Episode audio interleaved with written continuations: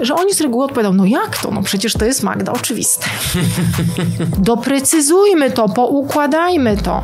Niech to będzie jasne. Poproś swoich liderów, menadżerów, pracowników, żeby napisali, za co są odpowiedzialni. Wydaje mi się, że już nawet z tego odcinka, jeżeli widz czy słuchacz weźmie tylko ten, tę jedną rzecz i ją spróbuje zastosować w firmie, to prawdopodobnie przetrze oczy, oczy ze zdumienia. Jeżeli interesuje Cię biznes, przedsiębiorczość, pieniądze, zasubskrybuj nasz kanał i kliknij dzwoneczek. Partnerami przygód przedsiębiorców są IBCCS Tax, spółki zagraniczne, ochrona majątku, podatki międzynarodowe, Milky Ice, Tokenizujemy sprzedaż lodów w Dubaju i Abu Dhabi. YouTube dla biznesu. Wejdź na przygody.tv i zobacz, jak wiele mogłaby zyskać Twoja firma dzięki YouTube z naszą pomocą. Linki do partnerów znajdziecie w opisie filmu. Dzień dobry drodzy widzowie, Adrian Gorzycki, Przygody Przedsiębiorców.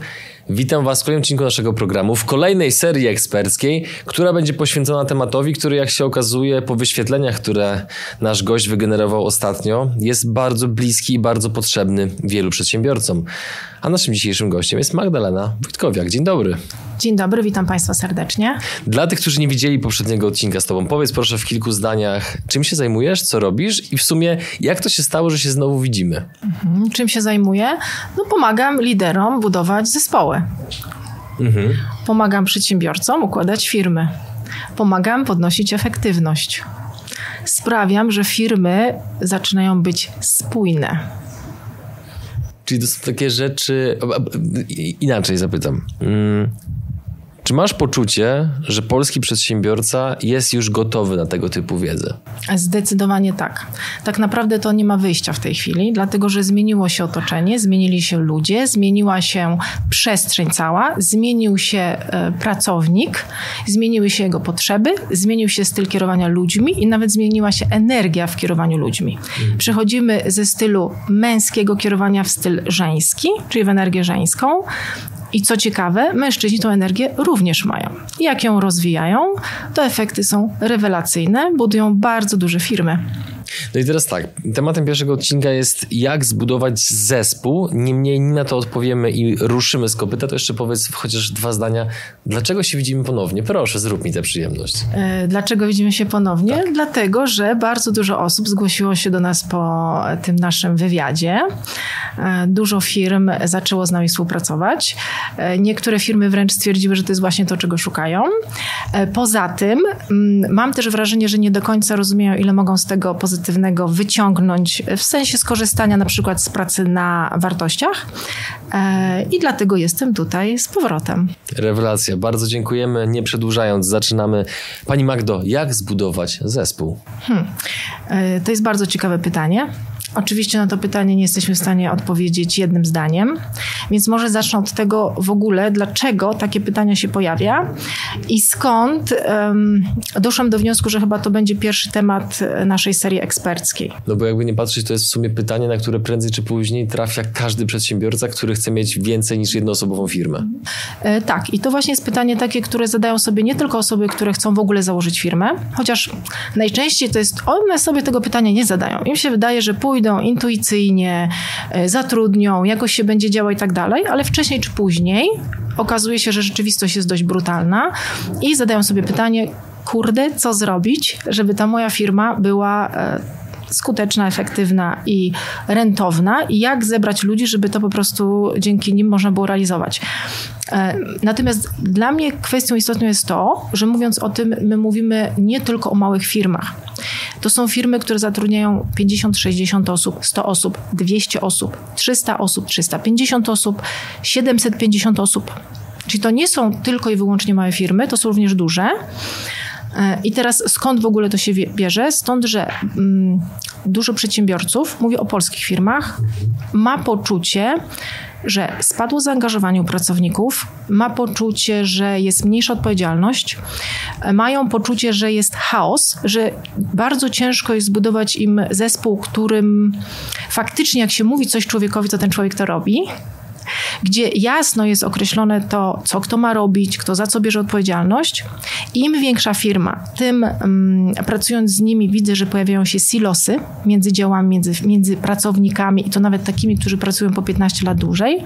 No i jak zaczynamy pracę, to okazuje się, że to, czego brakuje w tych firmach, to tak naprawdę są podstawy i fundamentalne rzeczy. Dlatego dzisiaj chciałabym, żebyśmy od tego zaczęli. I teraz tak, to, że to będą fundamentalne rzeczy, to wcale nie oznacza, że one są proste, bo gdyby one proste były, to w tych firmach to by działało. A y, z klientami, z którymi pracujemy, szczerze, to tak 97%, 98% klientów nie ma tego zrobionego. No to ostro. To ostro. To powoduje pewną lawinę. I teraz, jak jest mała firma, no to okej, okay, ten zasięg jest mały i jakby siła wpływu jest krótka, no bo jest właściciel, powiedzmy jakiś koordynator, pracownicy. Ale jeżeli ta firma jest duża, czyli jest prezes, drugi prezes, albo zarząd, dyrektorzy, kierownicy, liderzy, pracownicy, no to ta siła, tak naprawdę ta, ta droga cała jest długa. Jeżeli nie ma tego na górze, to nie ma czego oczekiwać, żeby było na dole. I teraz, co ciekawe, to pracuje nie tylko w, w, tych obszarach z osobami, które są właścicielami firm, czy na przykład dyrektorami zarządzającymi, ale coraz częściej zgłaszają się do nas na przykład kierownicy albo liderzy, którzy widzą problem u siebie, że oni chcą coś z tym zrobić i zbudować zespół, w którym oni będą stabilnie funkcjonowali, czyli nie będą mieli notorycznej rotacji pracowników, nie będą awansowali pracownika, za chwilę nie będą go musieli degradować, nie będą musieli zwalniać, tylko chcą zbudować stabilny zespół, nawet jeżeli e, ich firma po prostu o to nie dba. I zobacz, co się dzieje. Z jednej strony powinna być siła odgórna, dążąca do tego, a pojawiają się sytuacje, że jest siła oddolna czy odśrodkowa, tak? czyli takiego lidera czy kierownika, który mówi: pomóżcie mi, bo ja muszę coś zrobić w swoim zespole, bo dłużej tak się nie da. Więc dzisiaj chciałabym, żeby było o tym.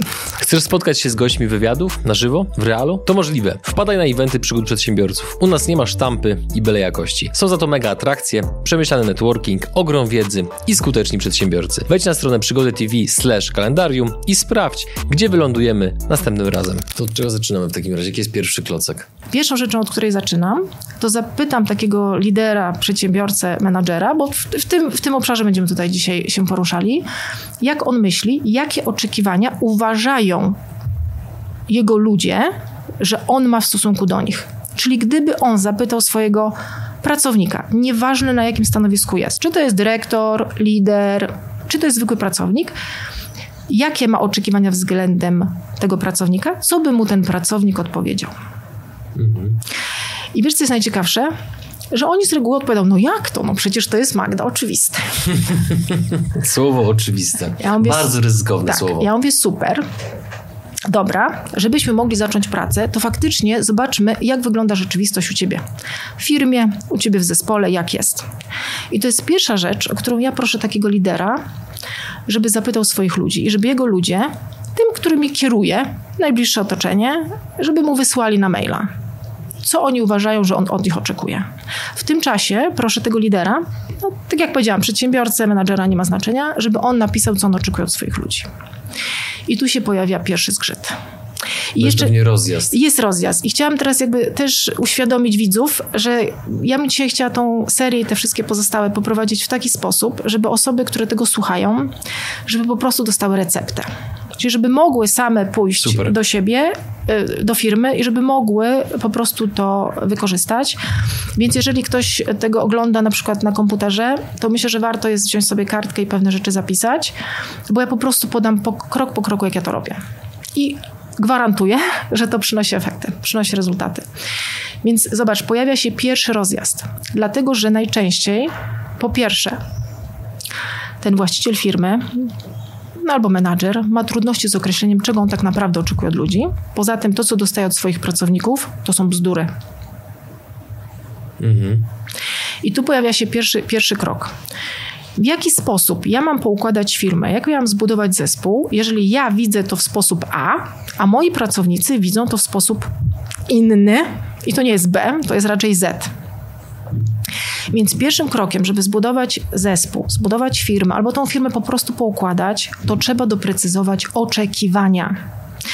Czyli teraz też nie chodzi mi o to, żeby to poszło w kierunku takim, że to ten właściciel nie zrobił, ten lider jest niedobry. Nie, nie, nie, bo to jakby widz leży po obydwu stronach. Z jednej strony może być tak, że to ten menadżer nie przekazał tych oczekiwań tak, jak powinien przekazać, ale z drugiej strony może być również tak, że on przekazał to raz powiedział, ale ta druga strona tego nie przyjęła. I teraz oczywiście kompetencje komunikacyjne i tak dalej zostawmy na bok, bo byśmy tutaj, wiesz, w tym temacie po prostu popłynęli bardzo, bardzo mocno. Natomiast do czego zmierzam? Zmierzam do tego, że jeżeli masz pracownika, zwłaszcza jeżeli ten pracownik jest menadżerem, czyli ty jesteś właścicielem firmy menadżerem, masz menadżera, masz lidera, to to to jest podstawowa rzecz, żebyście wy doskonale rozumieli, jakie są oczekiwania w stosunku Twoich oczekiwań do tego pracownika. To jest podstawowa rzecz. I teraz jak to zrobić? No przede wszystkim, tak jak powiedziałam, poprosić pracownika, żeby on napisał, napisać samemu, usiąść i to doprecyzować nazwać rzeczy po imieniu. I teraz nie chodzi mi o ogólniki, tylko chodzi mi naprawdę o takie konkretne rzeczy i o bardzo dużą ilość szczegółów.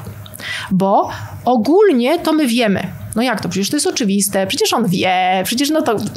No nie. Potem się okazuje, że jak dochodzi do szczegółów, to jest tak, no ale ja myślałem inaczej.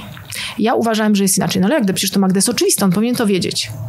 I nagle okazuje się, że jest pierwsza, pierwsza podstawowa płaszczyzna, która powoduje, że następuje lawina kolejnych dalszych elementów. Ale teraz zobacz, w tych oczekiwaniach to jest jeszcze nie koniec, nie? Jeżeli teraz masz tego pracownika, to jakie ten pracownik ma oczekiwania względem ciebie? A pytasz, pytasz mnie naprawdę? No wiesz, jakbyś mhm. był szefem, nie? Mhm. Ilu szefów zadaje pracownikom pytania i jakie oni mają oczekiwania względem nich jako, jako, jako szefa?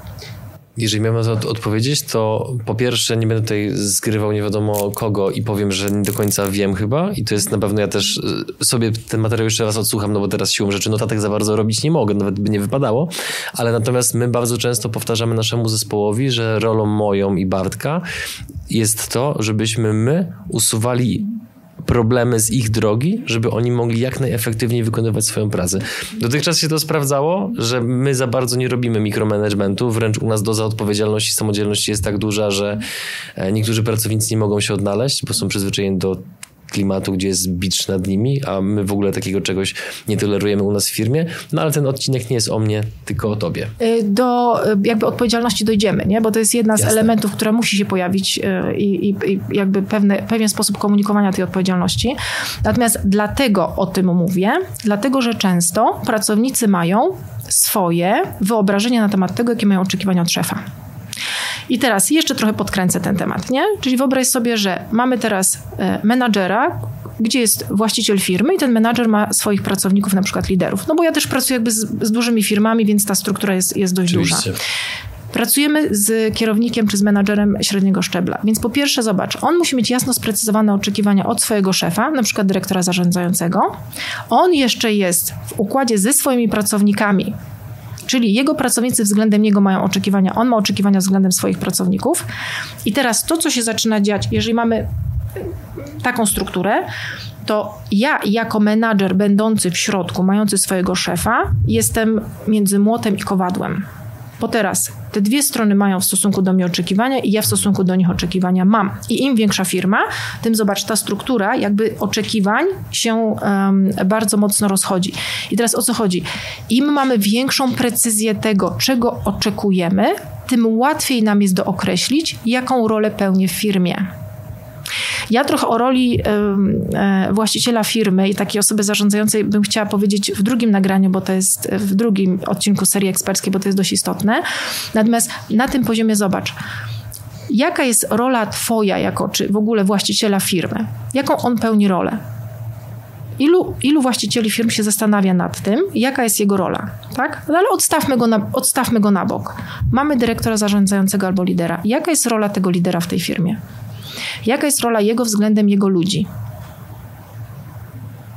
Co jest, zobacz, teraz proszę menadżera, zapytaj swoich ludzi, na przykład jeżeli masz liderów czy brygadzistów, no bo ja też pracuję dużo z dużą ilością firm, czy to produkcyjnych, czy to budowlanych, no taki, że tych, tych, tych pracowników szczebli jest dość, dość sporo.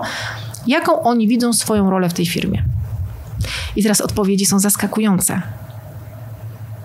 No jak to, Magda? Moją rolą, odpowiada pracownik, jest to, żeby przyjść do pracy, zrobić, skończyć i wyjść. No jak to? No przecież ja, Magda, przychodzę do pracy, jestem tu 8 godzin, pracuję tu 8 godzin, no to, no to, no to, no to przecież jestem. Ale jaką rolę pełnisz w całej organizacji? Hmm? Czyli zobacz, to są dwie podstawowe rzeczy, od której jeżeli ja chcę zbudować zespół, jeżeli ja teraz jestem na etapie takim, że zatrudniam 5, 10, 15 30 osób, jest mi łatwiej to zrobić i powinnam to zrobić od samego początku dobrze, żeby to było dookreślone, żeby nie było niedomówień, halucynacji, interpretacji i oczekiwań względem na przykład mnie jako szefa, takich, których ja nie jestem w stanie spełnić pracownikowi, bo pracownicy mają różne oczekiwania. To żeby no, jakby uwidocznić tą sytuację, to podam Ci przykład e, mojej klientki. Polska firma zatrudniająca 120 osób. No jak polska firma, to wiadomo, mąż zajmuje się produkcją, zarządza produkcją, szwagier zarządza magazynem, do tego jeszcze jest dział zakupów, e, dział sprzedaży, do tego jest jeszcze dział obsługi klienta. Firma jest dość duża, posiada jeszcze dwa takie mniejsze, mniejsze oddziały. E, zgłasza się do mnie i mówi tak, że ona już nie wie, za co ona ma się wziąć, gdzie ona ma ręce włożyć, bo przecież wszystko jest po jej stronie, ona za wszystko odpowiada. Ona jeszcze do tego zajmuje się dziełami związanymi z takimi jak finanse, księgowość, kadry i oczywiście cała administracja. Starcza doby? No nie, no właśnie, co się okazuje? Pracuje po 12 godzin. I teraz pytanie jest takie, co spowodowało, że ona zgłosiła się i że ona chce pracować nad tym, żeby tą firmę poukładać, żeby zbudować zespół? No to, że zachorowała. I mówi tak, nie mogę dłużej tak funkcjonować. Prowadzę firmę od 20 lat, Firmę przejęłam po ojcu, firma rośnie, mamy po prostu prosperity, no ale coś tu nie działa. Ma zespół, a ten zespół no nie funkcjonuje. Jak to jest możliwe? No, to, to, są jej pytania, że ona musi się zajmować tym, co się dzieje w dziale zakupów, tym, co się dzieje w dziale sprzedaży, tym, co się dzieje na magazynie. Jak, jak to jest możliwe? No i, no i to, jest, to jest odpowiedź na to, gdzie są podstawy, gdzie są fundamenty. Bardzo dużo przedsiębiorców polskich po prostu, no niestety, nie inwestując w swój rozwój, czy nie inwestując w pewne um, uczenie siebie pewnych mechanizmów działania, oczywiście nawiązując do kompetencji miękkich, no, nie, nie, dba o ten aspekt. Jak firma idzie bardzo dobrze, to oni się nad tym nie zastanawiają. Oni zastanawiają się wtedy, kiedy się okazuje, że co z tego, że ja mam kasę, co z tego, że to jakoś się kula, oni po prostu najnormalniej w świecie mają dosyć. No i zaczynając pracę z, z panią, trzeba było zacząć od podstawowych rzeczy. Jakie masz ty oczekiwania w stosunku do osób, które zarządzają tymi dziełami? Jakie te osoby mają oczekiwania w stosunku do ciebie? No bo teraz co się okazało? Ona często jak chce wprowadzić zmiany, słyszy odpowiedź, albo jak ktoś ma podjąć decyzję, to słyszy odpowiedź, no ale jak to? No przecież ty jesteś szefową. Ona jest szefową, więc ona ma firmę, która zatrudnia 120 osób na umowę, bo jeszcze ma podwykonawców i ona ma podejmować wszystkie decyzje. Dlaczego? Dlatego, że nie ma doprecyzowanych oczekiwań względem każdego stanowiska czy każdej osoby, która pracuje w firmie. Wydaje mi się, że już nawet z tego odcinka, jeżeli widz czy słuchacz weźmie tylko ten, tą jedną rzecz i ją spróbuje zastosować w firmie, to prawdopodobnie przetrze oczy, oczy ze zdumienia jak bardzo różni się postrzeganie rzeczywistości z perspektywy i szefa, i pracowników. E, tak, i to zobacz, często na to ja słyszę tak. Magda, ale to się u mnie nie da, bo przecież, no jak to szwagier, kuzynka. Mm. Ja mówię, tak jest łatwiej odpowiedzieć się obronić przed potencjalną zmianą. Oczywiście, nie? ja mówię, okej, okay. kto jest właścicielem firmy? Gdzie chcesz być z tą firmą? Jak, jaki, jaką masz, jaki masz cel na tą firmę? Gdzie chcesz z nią dojść? Jakie chcesz życie prowadzić? Bo to jest podstawowe pytanie. Bo okej, okay, jeżeli chcesz pracować po 14-12 godzin dziennie, nie jeździć na urlopy i być w tej firmie, w środku w niej i ona bez ciebie nie jest w stanie nic zrobić, no to proszę bardzo, rób tak dalej, jeżeli to jest twój cel. Ale jeżeli twoim celem jest doprowadzenie do takiej sytuacji, gdzie twoja firma jest w stanie funkcjonować, pomimo, że ciebie nie ma, jest poukładana, jest w stanie przejść na inny, kolejny poziom, jest w stanie się rozwijać, jest w stanie mieć płynność, a ty w tym czasie możesz robić inne rzeczy, no to przyszedł czas na zmianę. I nie ma innej, innej opcji niż rozmowa z ludźmi, z którymi się w tym momencie pracuje. I to nie ma znaczenia, znowu powiem, czy ty zatrudniasz sześć osób, jesteś sklepem internetowym, który sprzedaje sukienki, czy ty jesteś e, właścicielem firmy, która zatrudnia 250 osób. Po prostu masz tych osób, z którymi powinieneś porozmawiać więcej i oni powinni być na wyższym poziomie. I teraz y, w tym punkcie jeszcze zobacz ten obszar roli mojej w tej firmie. Czyli zobacz, ja jako właścicielka czy jako dyrektor zarządzający, jaką ja rolę w tej firmie pełnię. i jaką pełnią poszczególne osoby. Jeżeli to doprecyzu- doprecyzuje, i teraz ba, co to znaczy doprecyzuje? Czyli jeżeli pracuję razem z kimś, to ja tą rolę rozumiem tej osoby w taki sam sposób, jak ona rozumie tą rolę swoją, i my jesteśmy zgodni, że ta rola w taki sposób powinna wyglądać. Hmm? Jak tak tego słucham, tak sobie myślę, że to z jednej strony jest e, taka banalna porada, która z drugiej strony może mieć siłę bomby atomowej. E, ona ma siłę bomby atomowej i to się wydaje, że to jest banalne, bo to by było banalne, gdyby to było stosowane. Zobacz, to by było banalne. Tylko, że to jest banalne i oczywiste w firmach korporacyjnych. Wiesz, ja się wywodzę z firm korporacyjnych, prawda? Więc dla mnie firmy korporacyjne to jest naturalną koleją rzeczy, że każdy ma swoją odpowiedzialność. Przynajmniej ja w takich firmach pracowałam. Są poukładane procesy, wiadomo kto za co odpowiada, gdzie jest pewna granica możliwości, kto ma jaką rolę, jakie są oczekiwania względem tej osoby, ale w polskich firmach nie jest to takie oczywiste. Wiesz, co ja słyszę? Magda, ale my mamy opisy stanowisk. Ja mówię, super super, fajnie, że są. To za mało? Działają, ale działają, tak? Ale one funkcjonują. Nie, no każdy pracownik, jak jest zatrudniany, to dostaje do przeczytania. Ja mówię, no i co dalej z tym? No ale o co ci chodzi? Mhm. Trzeba było zrobić opisy stanowisk, no bo tak zostało powiedziane. Tylko, że nikt nic dalej z tym nie robi. Nie? I opisy stanowisk, jakie mają osoby najczęściej? Na stanowiskach e, wózkowy, widłowy, e, maszynista i te wszystkie takie techniczne, ale jak idzie coraz wyżej, coraz wyżej, to te opisy stanowisk są już coraz słabsze, albo ich w ogóle nie ma, albo są napisane na takim poziomie ogólności, że nie ma, nie jestem w stanie z tego wyciągnąć, za co odpowiedzialny jest dany menadżer, czy za co odpowiedzialny jest dany lider. A opisy stanowisk to jest dopiero początek. To co dalej? No i tu przejdziemy do tego punktu, tam gdzieś o nim wspomnieliśmy. To jest odpowiedzialność. Zobacz, powiedziałeś, że ty swoim pracownikom mówisz, za co kto jest odpowiedzialny. Nie, że to jest jasne, nie? Jak myślisz, jak dużo menadżerów, właścicieli firm mówi, jesteś odpowiedzialny za to i za to. Ty za to i za to odpowiadasz. Wedle moich doświadczeń takie coś stosują firmy, które mają symptomy bycia zdrowymi, rentownymi i rosnącymi, a te firmy, w których jest uprawiany mikromanagement, takie bardzo obsesyjne kontrolowanie tego, co robi dana osoba, raczej sobie radzą gorzej. To są takie moje skromne obserwacje na jakiejś drobnej próbce. Mhm. Czyli znowu pojawia się poziom taki, Magda, no przecież to jest oczywiste. To jest oczywiste, za, za co kto jest odpowiedzialny.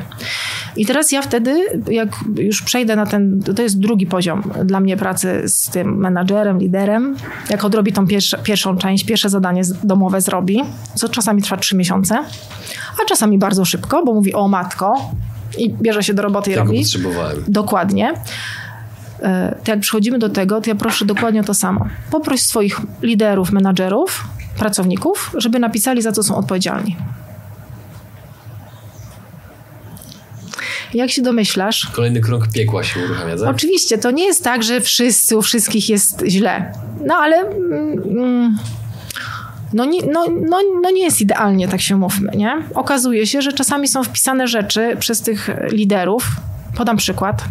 E, pracowałam z jednym kierownikiem w dużej firmie produkcyjnej, takiej spożywczej, olbrzymia firma, oni tam zatrudniają ponad 700 osób i on ma swoich liderów, e, ci jego liderzy mają każdy po 20 parę osób pod sobą, poprosił tych liderów, no czy liderzy mają jeszcze brygadzistów, czy tam taka dość rozbudowana struktura, żeby liderzy, czyli osoby, które są na nawet nie najniższym średniu, szczeblu menedżerskim, czy tylko takim niższym podśrednim, nie? ale nie najniższym, żeby napisali za co są odpowiedzialni, jak napisali, za co są odpowiedzialni, to jemu włosy na głowie stanęły dęba. Dlaczego? Oni napisali wszystkie fajne rzeczy, które okej, okay, one są zgodne i faktycznie tak, tak jest, ale tam prawie w ogóle nie było mm, informacji związanych z celem, z efektywnością, z rentownością, z mm, taką mm, nastawieniem na produkcję. Okazało się, że wszystko jest w obszarze współpracy, dobrych relacji idzie w, w takim kierunku, na, na, zasadzie zaopiekowania się zespołem, dobrej atmosfery w zespole, dobrej komunikacji w zespole. Ale nie było tego sedna, tego klucza, za co ten człowiek jest faktycznie odpowiedzialny w kontekście celu całej firmy. Bo zobacz, zejście do poziomu, za co jest odpowiedzialny dany pracownik w tej firmie, to jest wierzchołek góry lodowej. Teraz pytanie jest takie, za co on jest odpowiedzialny w tej firmie w kontekście celu, jaki ma ta firma, czy jaki ma dział, ten dział cel.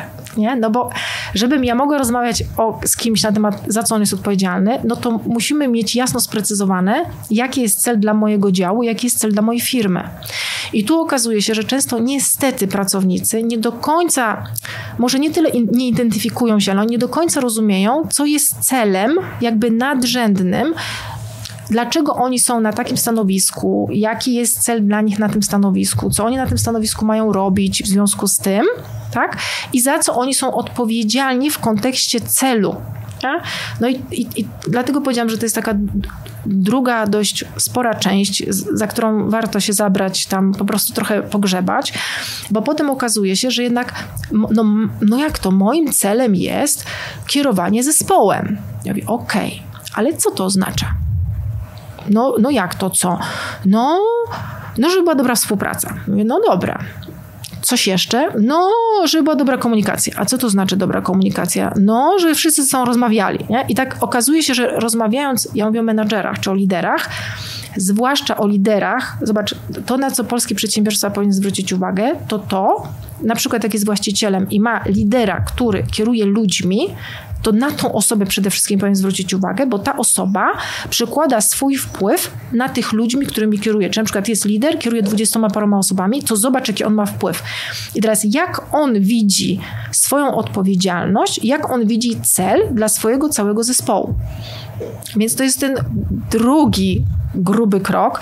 No i oczywiście teraz tak, no widzowie mogą no, zacząć z poziomu albo celu, czyli czy moi ludzie faktycznie rozumieją ten cel, albo mogą zacząć z poziomu odpowiedzialności. I teraz jak jesteśmy na tej płaszczyźnie, to na czym mi zależy? Zależy mi na tym, albo no, dobrze by było, nie? No bo to wiesz, mi może zależeć. A każdy tak, tak zrobi, co chce, mhm. nie? Tak jak ja pracuję z moimi, z moimi klientami, to oni robią jedną rzecz. Bardzo jasno precyzują ludziom, za co są odpowiedzialni. Mówiąc wręcz, co czasami u niektórych osób jest bardzo trudne, żeby przekazać, powiedzieć na zasadzie: Adrian, ty jesteś odpowiedzialny za to i za to. Czy ten krok powoduje czary w firmach? Y, ten krok powoduje czary, jeżeli taki pracownik to faktycznie przyjął, to zrozumiał. A co jest warunkiem tego, żeby to przyjął i zrozumiał? Y, zakomunikowanie mu tego kilkanaście razy. Kilkanaście. Wiesz, no, ja mówię o tych trudniejszych przypadkach, nie? Często jest tak, że czasami wystarczy usiąść, rozpisać, pokazać, wytłumaczyć, dlaczego, za co ta osoba jest odpowiedzialna, dlaczego za to jest odpowiedzialna, jak ty widzisz tą rolę, jak widzisz oczekiwania, jaka ma być to rol, ta rola tej osoby i już okazuje się, że następuje zmiana, ale czasami dla osoby tej, z, drugiej strony, to jest no dobra, pogadał sobie, pogadał, był na jakimś szkoleniu, spotkał się z jakimś tam, jakąś tam Magdą, czy z kimś tam, czy z jakimś tam trenerem, no a za dwa tygodnie zapomnie, nie? Będzie po staremu będzie po staremu, no i tam wymyślił jakieś głupoty, no wiecie, no tam odbija mu 15 lat, firma jest, kula się dobrze, o co, o co generalnie chodzi, nie? Jest szefem, to ma pracować, ma robić, przecież on jest szefem, ma podejmować decyzję, co ja mam być za to odpowiedzialny, on jest za to odpowiedzialny. I teraz pokazuje Boże, to tobie to i widzą rozmowy z pracownikami, bo ja, ja, wiem, że niektórzy zaraz powiedzą, no nie u mnie w firmie tak nie, tak, tak nie jest. No oczywiście, że są firmy, w których jest lepiej, jest, jest, są firmy, w których jest trochę jakby... Inaczej. Inaczej, no jeszcze nie jest to, nie jest jest to rozwinięte, natomiast ja wiem, że polscy przedsiębiorcy borykają się z takimi sytuacjami. I teraz no, są pracownicy, z którymi trzeba będzie ten proces przejść, on będzie trochę trudniejszy, dlatego że do tego pracownika będzie musiało dojść jasno tak, i precyzyjnie i on będzie musiał to, to jakby przyjąć. No ale to jest warunek tego, że ja, jeżeli teraz mam 10 pracowników i moi pracownicy zaczną myśleć w ten sposób, oni nie zaczną myśleć tak jak ja. Nie? No bo to pamiętasz, w tamtym wywiadzie już było doprecyzowane, że twój pracownik, jako, jak jesteś przedsiębiorcą, nie będzie myślał tak jak ty, bo nie ma tych samych motywatorów. Nie? No ale jeżeli, jeżeli większość Twoich ludzi zacznie myśleć w, te, w, ten sposób i patrzeć na to w ten sposób, to jest dużo większe prawdopodobieństwo, że będziesz w stanie z nimi w kolejnych krokach pracować na, po, na poprawie procesu chociażby, czy na poprawie innych rzeczy, bo oni zaczną brać większą odpowiedzialność. A co za tym idzie? Jeżeli zobacz, pracownik weźmie większą odpowiedzialność, No bo się już porozumiewaliśmy, nie? już się dogadaliśmy, już kurczę, ta Magda nie odpuściła, siedziała i drążyła, no to dobra, to jest moja odpowiedzialność, no to kuźwa, to ja się muszę teraz zaangażować, nie? Mhm. No i muszę zacząć. No teraz muszę zacząć to robić, nie? No muszę zacząć to robić, nie? Już nie będzie tak, nie? I nie powiem, ale to nie ja za to jestem odpowiedzialny, to Franek jest odpowiedzialny. No to nie ja jestem odpowiedzialny, no to ty szefowa podejmujesz decyzję. Szefowa, to ty nie podjęłaś decyzji, nie? A tu nagle dochodzi do tego, że to ty jako pracownik jesteś odpowiedzialny i nie ma czekania, że szefowa podejmie decyzję, bo to jest twój, twój ogródek. Piłka jest po twojej stronie. To ty masz podjąć decyzję. Więc automatycznie kurde, trzeba się bardziej zaangażować. Czy pracownicy cieszą się na taki obrót spraw?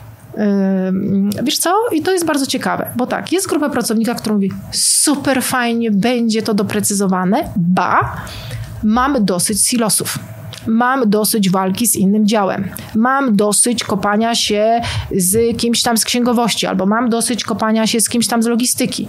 Doprecyzujmy to, poukładajmy to. Niech to będzie jasne, niech każdy wie, żeby nie było przerzucania ping-ponga między sobą, żeby nie było y, y, maili, które są dupochronami, tak? I, y, korespondencja, tak? Korespondencja do korespondencji. Nareszcie w końcu no ale są też takie przypadki, że są pracownicy, którzy nie, no przecież oni zwariowali, nie? Ja tak pracować nie będę, nie? Co, ja mam pisać, jakie są oczekiwania? Jak ja, w ogóle, jak ja mam napisać, jakie, ja myślę, że mój szef ma oczekiwania co, co, do mnie? Jak to, nie? No i są tacy pracownicy, którzy, no, no niestety nie chcą tego robić, nie? Są tacy pracownicy, którzy się buntują, są tacy pracownicy, z którymi trzeba to zrobić dłużej. Wiesz, no są tacy pracownicy, jak pracuję na przykład z, no na przykład ten kierownik, o którym opowiadałam, gdzie on musiał z tymi swoimi liderami, z jednym zwłaszcza, przerobić to kilka razy, bo on go prosił o przygotowanie czegoś, on przygotował to na zasadzie jednego słowa. Ten go znowu prosił, ten znowu, to dwa zdania się pojawiły. Ten znowu z nim porozmawiał, y, y, tamten wrócił, no i dobra, no wykrzesał z siebie cztery zdania, nie? I nie, było, no trzeba było włożyć dużo energii, Natomiast w tej chwili sytuacja wygląda całkowicie inaczej. W tej chwili, tylko ci powiem, mhm. bo żeby ty już więcej o tym kliencie nie mówić. Pracuję z nim niecały rok. Ja pracuję z jego liderami, pracują osoby ode mnie z zespołu inne. Dzwoni do mnie i mówi, Magda, słuchaj, słuchaj, miałem spotkanie dyrektorów, kierowników. Szef mnie poprosił, żebym powiedział, jak to u mnie działa. Wszystkim szczęki opadły. Oni się pytają, jak on to zrobił, skąd on to wiedział. Że, że w ogóle tak to zrobić. A wiesz, co jest najciekawsze z tego wszystkiego? że jego firma płaci za szkolenia dla jego liderów, a jego firma nie wie, że on płaci ze swoich pieniędzy prywatnych i on się szkoli sam. No to jest to rzadkie. Wiesz co, dla mnie to jest wyjątkowe, bo to są chyba, to jest trzecia osoba, z którą się spotkałam, która nie chce, żeby firma wiedziała, że on się szkoli, mhm. wydaje swoje własne, prywatne pieniądze, nie ciągnie pieniędzy od firmy, dlatego że jemu tak bardzo zależy na tym, żeby podnieść swoje kompetencje zbudować skuteczny zespół. I w tej chwili, po niecałym roku pracy, jego zespół przeszedł totalną transformację. Jest pewnie czołowym w firmie. No tak. I się pytam, jak on to zrobił? Mamy tak oczekiwania, mamy rolę, mamy odpowiedzialność. Co mhm. dalej? Z czego wynika oczywiście potem nam też to zaangażowanie, nie? No i teraz dochodzi do poziomu, no bo zobacz, dużo zajmowaliśmy się tymi pracownikami teraz, nie? No trochę tobą jako, jako czy tam trochę szefem, Jasne. w sensie tobą mówię jako, jako do widzów mówię, że to tobą jako tobą. Mhm. Y, zobacz, to, to, teraz musimy trochę wejść bardziej jeszcze w szefa, nie? Czyli właściciela, czy tego menadżera, czy lidera, nie? Na jakim poziomie są twoje kompetencje? Czyli szef, który mam nadzieję, że ogląda to, czy ten lider, zacznie zastanawiać się nad tym, jakie on musi mieć kompetencje. Nie mówię o kompetencjach twardych, tylko kompetencjach zarządzania ludźmi, żeby móc kierować skutecznie ludźmi, którymi kieruje. Dlaczego o tych kompetencjach? Dlatego, że to, co powinien zrobić w kolejnym kroku, to zadać pytanie swoim pracownikom, jakie kompetencje oni powinni mieć na stanowisku, na którym są. Jeżeli szef nie ma świadomości co do swoich kompetencji, na jakim poziomie jest i na jakim poziomie chciałby być, to jak ma pracować ze swoimi pracownikami, żeby podnieść ich kompetencje? Ich umiejętności, żebyśmy się dobrze zrozumieli. Przez co mhm. rozumiem kompetencje? Umiejętność, która jest powtarzalna. Czyli nie zrobiłam coś raz, tylko robię coś wielokrotnie. Nie? No bo teraz zobacz, dochodzimy do takiego, do, w ta, do, jesteśmy w takiej sytuacji, że ten szef, właściciel firmy trochę wchodzi w rolę osoby, która jakby moderuje tą całą sytuację. Nie? Więc on powinien znać swoje kompetencje, sam siebie nawet ocenić. Nie? Czyli na tym stanowisku, na którym jestem, w tej roli, w której jestem, te oczekiwania, bo ja też mam względem siebie jakieś oczekiwania, te oczekiwania, jakie ja mam względem siebie i, i to, co ja robię, żeby odnieść z moją firmą sukces, jakich ja umiejętności i kompetencji potrzebuję. Nie? No i oczywiście nie mówię o technicznych, to w poprzednim wywiadzie już jakby doprecyzowaliśmy o co chodzi, czyli mówię o kompetencjach miękkich, w szczególności w obszarze kierowania ludźmi, czyli rozwoju pracowników. No bo teraz powinnam skupić się na tym, jakie umiejętności myślą i uważają, że powinni mieć moi pracownicy. I teraz znowu odpowiedź od pracowników jest taka, że oni podają kompetencje techniczne, analityczne, te związane stricte z pracą. Nie ma tam kompetencji związanych z komunikacją, współpracą, y, nastawieniem na cel, efektywnością itd. Tak itd. Tak nie? A zobacz, bardzo dużo firm pokazuje, międzynarodowych, polskich, że czynnik ludzki jest kluczowy. Jeżeli ja jako pracownik wcale nie uważam, że ważna jest kompetencja współpracy z innymi i komunikacji z innymi, nastawienia na pracę zespołową czy pracę projektową, bo akurat taką firmę prowadzę, no to ja jako właściciel firmy czy jako menadżer nie będę w stanie zbudować zespołu, bo cały czas ta jedna osoba będzie w taki sposób funkcjonowała w tym zespole, że będzie rozwalała mi zespół. Ba, jeżeli teraz, zobacz, ja jestem dyrektorem, a moimi pracownikami bezpośrednimi są menadżerowie, ja ich, czy liderzy. Ja ich pytam, jakie kompetencje oni powinni mieć, a oni nie są w stanie tego określić i jeszcze nie są w stanie określić tego, na jakim poziomie oni są. Niepokojący sygnał. To co jest dalej, nie? W jaki sposób my idziemy dalej, bo żebyśmy też jeszcze zrozumieli, o czym my do końca mówimy, bo nie mówimy o sytuacji takiej, dobra, niech się w tej mojej firmie dzieje, niech się kula, jak się kula, bo to nie chodzi o to. Chodzi o to, że ja postrzegam polskiego przedsiębiorcę jako osobę, bo no, ja takich spotykam, którym zależy na tym, żeby rozwijać swoją firmę, żeby ta firma była stabilna, żeby w tej firmie nie było rotacji pracowników, żeby w tej firmie dobrze się pracowało, żebym ja jako szef miał uwolnione, mm, uwolniony czas, no bo chcę go spędzać w inny sposób. Nie? Jeżeli teraz ogląda to ktoś i sobie myśli, a tam takie pierdzielenie, przecież mam zyski i tak dalej, no to dobra, no może wiesz, w ogóle nie brać tego, nie brać tego pod uwagę. Ale jeżeli ogląda to ktoś, kto chce ze swoją firmą pójść na poziom wyżej, no to musi dotknąć tematu kompetencji. Tak? No bo to są pewne umiejętności, które ci ludzie muszą posiadać. Nie? No i teraz znowu zaczyna się zabawa. Jakie powinni mieć kompetencje, jakie mają. I teraz oczywiście każdy przedsiębiorca może zrobić to w ramach sam siebie. Może też, tak jak niektórzy robią, zlecić to na zewnątrz, czyli zbadanie kompetencji ludzi, których mam. Nie? I potem świadomie zacząć pracować nad ich rozwojem. Czyli zobacz, ja jako szef jestem odpowiedzialna za rozwój kompetencji, umiejętności mojego pracownika, na tyle, na ile oczywiście ja mogę się w to zaangażować i mogę mu pomóc, jak nie, to szukam kogoś z zewnątrz. Ale jest jedna, jeden taki obszar, bardzo ważny. I, I, to bym chciała jakby, żeby, żeby mocno wybrzmiało. Każdy szef, każdy właściciel, każdy lider doprowadzi ludzi do poziomu, na którym jest sam. Więc albo się rozwija i rozwija zatem swoich ludzi, swoich pracowników, na przykład w kontekście nawet wyznaczania celów, albo zatrudnia ludzi lepszych od siebie i on się od tych ludzi uczy. Nie ma innej drogi. Idąc dalej, powinniśmy się skupić na tym, czego przedsiębiorcy lubią. Oni się lubią na tym skupiać, jeżeli dotyczy to maszyn, produkcji, kaizenu, czyli na procesach. I nie Modne chodzi słowo mi, ostatnio. Tak. I nie chodzi mi o procesy technologiczne, bud- w, procesy w budowlance, w utrzymaniu ruchu. Tak? Nie chodzi mi o, czy o procesy sprzedażowe, nie chodzi mi o takie procesy. Chodzi mi o procesy, które zachodzą między zespołami, jeżeli jest mała firma, między osobami w firmie. No bo jak jest mała firma, powiedzmy pracuje 15 osób, to każdy powiedzmy pracownik jest takim mikrodziałem, tak? Jak jest duża firma, no to są, jest tych działów więcej, powiedzmy sprzedaż, serwis, e, utrzymanie ruchu, obsługa klienta, księgowość i tak dalej. Nie? Między tymi wszystkimi działami i tymi ludźmi zachodzą pewne procesy i najwięcej czasu ludzie właśnie tracą, marnują i energii na to, co się dzieje między tymi procesami. Ja już wielokrotnie wspominałam w różnych miejscach, że ludzie tracą bardzo dużo czasu na tym, żeby przepychać się między sobą, tak? Na przeciąganie liny, na skupianiu się na tym, czego kolega z innego działu nie robi, właśnie na tych, na tych mailach typu dupochrony i tak dalej. Nie? I teraz, jeżeli są zrobione te pierwsze elementy, tylko co jest ważne, tak? To też, że ja mówię, mm, przekazując to, to jest krok po kroku, żeby nie robić bypassów, nie? Bo jak robimy bypassa i przeskakujemy z obszaru do obszaru, to się okazuje, że tam jest właśnie ta dziura, która nie została wypełniona.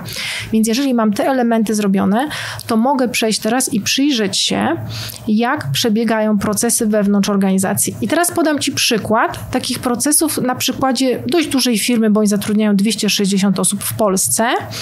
Znaczy to jest firma polska, która połączyła się z firmą międzynarodową, w Polsce w zarządzie są cztery osoby i jest tam cztery osoby odpowiadają za cztery, cztery kierunki tej firmy. Jednym z tych członków zarządu jest oczywiście dyrektor zarządzający, ten, ten główny, i on też ma swój, swój um, ogródek, tak to nazwijmy, nie?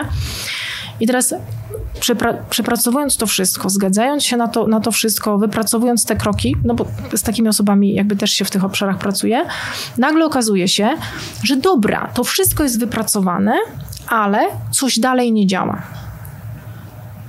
Nagle się okazuje, że są procesy, które przenikają między nimi, czyli szef, który odpowiada za produkcję, powinien być w pewnym procesie, czy mieć pewne wspólne zadania, wspólne cele z panią, która jest w dziale HR. Osoba, która odpowiada za serwis, tak, powinna być w kontakcie z osobą z logistyki. Osoba, która odpowiada za sprzedaż, powinna być w kontakcie z osobą z obsługi klienta, ba, oni wykonując działania, przenikają się w tych działaniach nawzajem.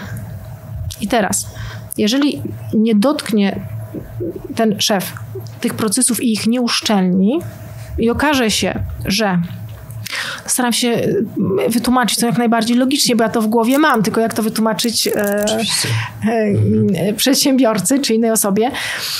Jeżeli nie przyjrzy się teraz temu, mm, jak przepływają informacje między tymi osobami, tymi działami, jak przepływają zadania, które funkcjonują między tymi działami, jak przenika między nimi pewien poziom odpowiedzialności, nie opisze ich i nie dopilnuje, to mimo iż na przykład określona jest odpowiedzialność, to tak i tak budują się silosy. Nie? Czyli samo określenie odpowiedzialności, mm, ról i tak dalej nie jest wystarczające bo ludzie z natury mają to, że jakby no jednak grają pod siebie, tak? Czyli grają pod, pod, pod swoją, mm, do swojego ogródka, tak to nazwijmy, nie? I teraz może podam to na przykładzie tych czterech członków zarządu, nie? Mam czterech członków zarządu, jedna osoba jest odpowiedzialna za w ogóle generalnie rozumianych pracowników, finanse, kadry, płace, inna osoba za produkcję, inna za serwis, a inna jeszcze za tą, za tą, za tą część taką e, całościową. I nagle okazuje się, że na poziomie członków zarządu oni nie mają zgody na to, żeby między nimi przenikała odpowiedzialność i żeby między nimi w procesach, w których oni są, bo oni są w tych procesach nawzajem, żeby pojawiło się na przykład, że do działu produkcyjnego wchodzi pani, która odpowiada za kadry płacy. Doprecyzuję, bo mam wrażenie, że to jest jeszcze niejasne. Mam menadżerów na produkcji, jestem członkiem zarządu odpowiadającego za produkcję. Druga osoba odpowiada w mojej firmie e, za ludzi, odpowiada za ich rozwój i ja jako, jako osoba, z, szef produkcji nie mam zgody na to, żeby osoba z działu, nazwijmy to HR, pracowała nad moimi liderami. Bo wszystko musi przechodzić przeze mnie. Czyli co to oznacza? Ja w tym procesie muszę być. Ja w tym procesie muszę być decyzyjny, ja w tym procesie muszę wiedzieć wszystko, co się dzieje. Nie? Dlaczego tak jest? Bo nie mam zaufania do tej osoby, która odpowiada za rozwój pracowników. Nie? I teraz, jeżeli ja jestem, weź, weźmy metaprogram, jeżeli ja jestem dyrektorem zarządzającym tej firmy i widzę ten proces, który zachodzi między dwoma działami, między dwoma osobami, które są członkami zarządu, dotyczy pracowników jednego z członków zarządu. Jeżeli ja nie doprecyzuję, jak to ma przebiegać, kto za co tu jest odpowiedzialny, kto jaką ma odpowiedzialność, jaką ma możliwość działania, to nagle okazuje się, że u takiej Magdy, która jest dyrektorem produkcji, następuje wąskie gardło i przeze mnie nie przechodzą pewne, pewne rzeczy, ponieważ ja nie przepuszczam tego, co powinien zrobić inny członek zarządu. Ostatnim punktem w tym jest właśnie przyjrzenie się tym procesom i uszczelnienie, doprecyzowanie, jak to ma wyglądać. Może podam jeszcze przykład taki bardziej pracowniczy, nie? Czyli, czyli, czyli jest dyrektor y, produkcji, pod dyrektora produkcji podlega kierownik utrzymania ruchu i podlega kierownik produkcji. No bo ten dyrektor produkcji to on ma tam dużo osób pod sobą. I teraz między tymi dwoma osobami, czyli kierownikiem utrzymania ruchu i kierownikiem produkcji zachodzą notoryczne procesy. No bo ludzie z y, utrzymania ruchu ratują sytuacje kryzysowe, które się dzieją na produkcji, a dzieją się non-stop. No bo przecież maszyny same się psują nie? Trzeba odpocząć, trochę zrelaksować się. No to się maszyna zepsuła, nie? I tam wchodzą pracownicy z utrzymania ruchu, nie? I teraz zobacz, co się dzieje. Ten proces tam jest bardzo prosty. Natomiast dwóch kierowników nie ma jasno dookreślonego w procesie, kto za co odpowiada, kto za co bierze w tym procesie odpowiedzialność, tylko zaczynają między sobą, jak to nazwać, rywalizować, um, okopywać się, e, szukać winnych. No bo jeden jest odpowiedzialny za to, żeby. Taka psychologia. Mm, drugi jest odpowiedzialny za Y. I teraz okej, okay, zobacz, jakby te punkty wcześniejsze nam zadziałały dobrze, ale doszliśmy do, do, do, do, tego, do tej płaszczyzny, gdzie ci ludzie zaczynają się między sobą przenikać i przez to, że nie ma dopowiedziane na poziomie właśnie tego, jak to przebiega, jak to powinno być poukładane, kto w którym momencie wchodzi, kto nie, no to niestety dochodzi do sytuacji takiej, że co z tego, że mamy odpowiedzialność, rolę i tak dalej, jak oni między sobą budują zapory. I to jest jakby, dla mnie to już jest wisienka na torcie. Jak do tego poziomu dochodzi przedsiębiorca i pracuje na tych procesach, to to już jest wisienka na torcie. Jak odrobił tą całą, e, całą pracę wcześniej, jest mu oczywiście dużo łatwiej, nie? Tylko musi tam wejść i musi to doprecyzować. I często być takim trochę rozjemcą, nie? czy między, między pracownikami, czy chociażby między dziełami. Ta osoba, która jest wyżej i która jakby odpowiada za ten cały proces, no bo to ktoś sobie ten proces wymyślił, nie? Był na szkoleniu i sobie wymyślił. Więc ta osoba często jest tak, że musi tam wejść. No. W przypadku no, zarządu, tak jak akurat w przypadku tamtej firmy, no to musi wyjść ktoś z zewnątrz, tak? czyli osoba z zewnątrz, żeby, no bo kto im namiesza, nie? No, no musi ktoś przyjść im namieszać, nie? Więc to są takie fundamentalne kroki, żeby zbudować um, zespół. Ja wiem, że niektórzy pewnie myśleli, no trzeba powiedzieć, kogo zrekrutować i tak dalej, jak wdrożyć pracownika.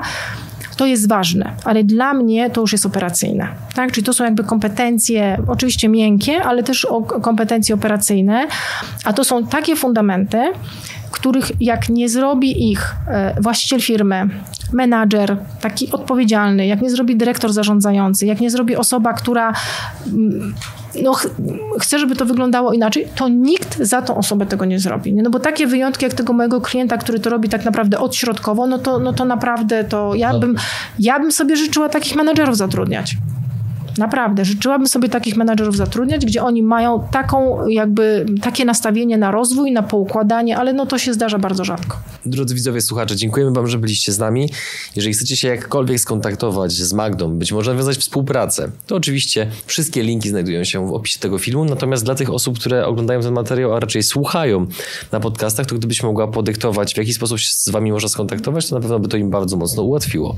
E, e, tak, ważne jest to, że to nie tylko Magda, bo niektórzy to to tak się myślą, nastawiają. że tak, nastawiają, że to właśnie będzie Magda, ta osoba, e, firma Future Skills, www.futureskills.pl.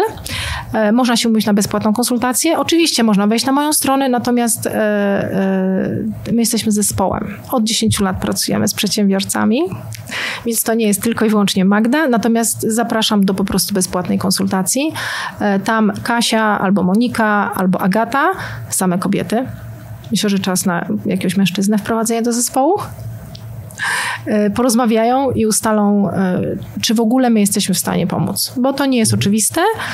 E, no a osoba, która z nami porozmawia, sprawdzi, czy, czy, czy to jest to. I do zobaczenia w kolejnym nagraniu. Cześć. Do zobaczenia.